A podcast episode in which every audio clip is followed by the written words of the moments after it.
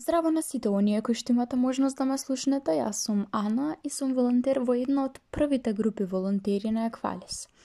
Во Еквалис бев дел од неколку преинтересни работилници, но во најголемо и најдраго сеќавање ми е хуманитарниот настан Хуметност и сите средби кои што беа дел од големата организација на истиот тој настан. Како тинејџер, добро е некој да ти ги отвори вратите каде што ќе можеш слободно со собствениот став да делуваш во општеството. Еквалис како организација го оствари мојот сон на изразување преку поезијата во истиот момент кога ја постигнавме најглавната цел, а тоа е помош и поддршка за деца на кои што тоа има на вистина потребно. Хуметност се случи кон крајот на декември 2018 година со цел да им помогнеме и да ги израдуваме децата од Дневниот центар за деца на улица Шуто Ризари и преку собраните средства да им обезбедиме ранци и училишен прибор.